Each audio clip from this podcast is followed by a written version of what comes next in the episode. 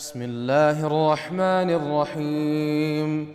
قل هو الله أحد الله الصمد لم يلد ولم يولد ولم يكن له كفوا أحد.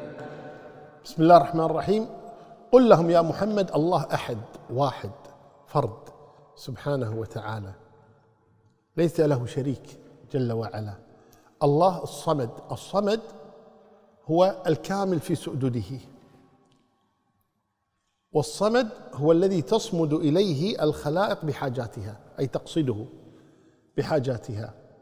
لم يلد ولم يولد لأنه الأول والآخر سبحانه وتعالى. لم يلد لأنه إذا ولد ولد الها لأنه إله.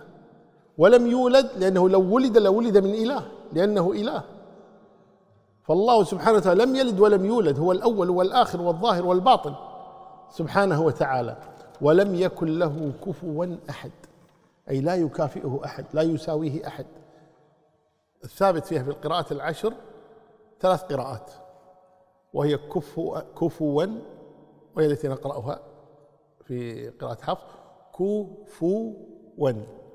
بضم الفاء والواو بعد ذلك. كفوا. هذه القراءة الصحيحة التي نقرأ فيها في قراءة حفص. وهناك قراءة الجمهور وهي كفءا وكفؤا. وهذه قراءة صحيحة كفءا وكفؤا. أما قراءة كفوا هاك بسكون الفاء كفوا ثم بعدها واو فهذه لم تثبت قراءة عن النبي صلى الله عليه وسلم وإنما هي عند أحد القراء وهو حمزة عند الوقف فقط على كفوا. يقول ولم يكن له كفوا لكن إذا وصلها يقول كفءا أحد. ما ما ما يقف على ما يصلها كفوا أحد لا أبدا. وإنما عند الوقف فقط يقول كفوا والله أعلم. نعم.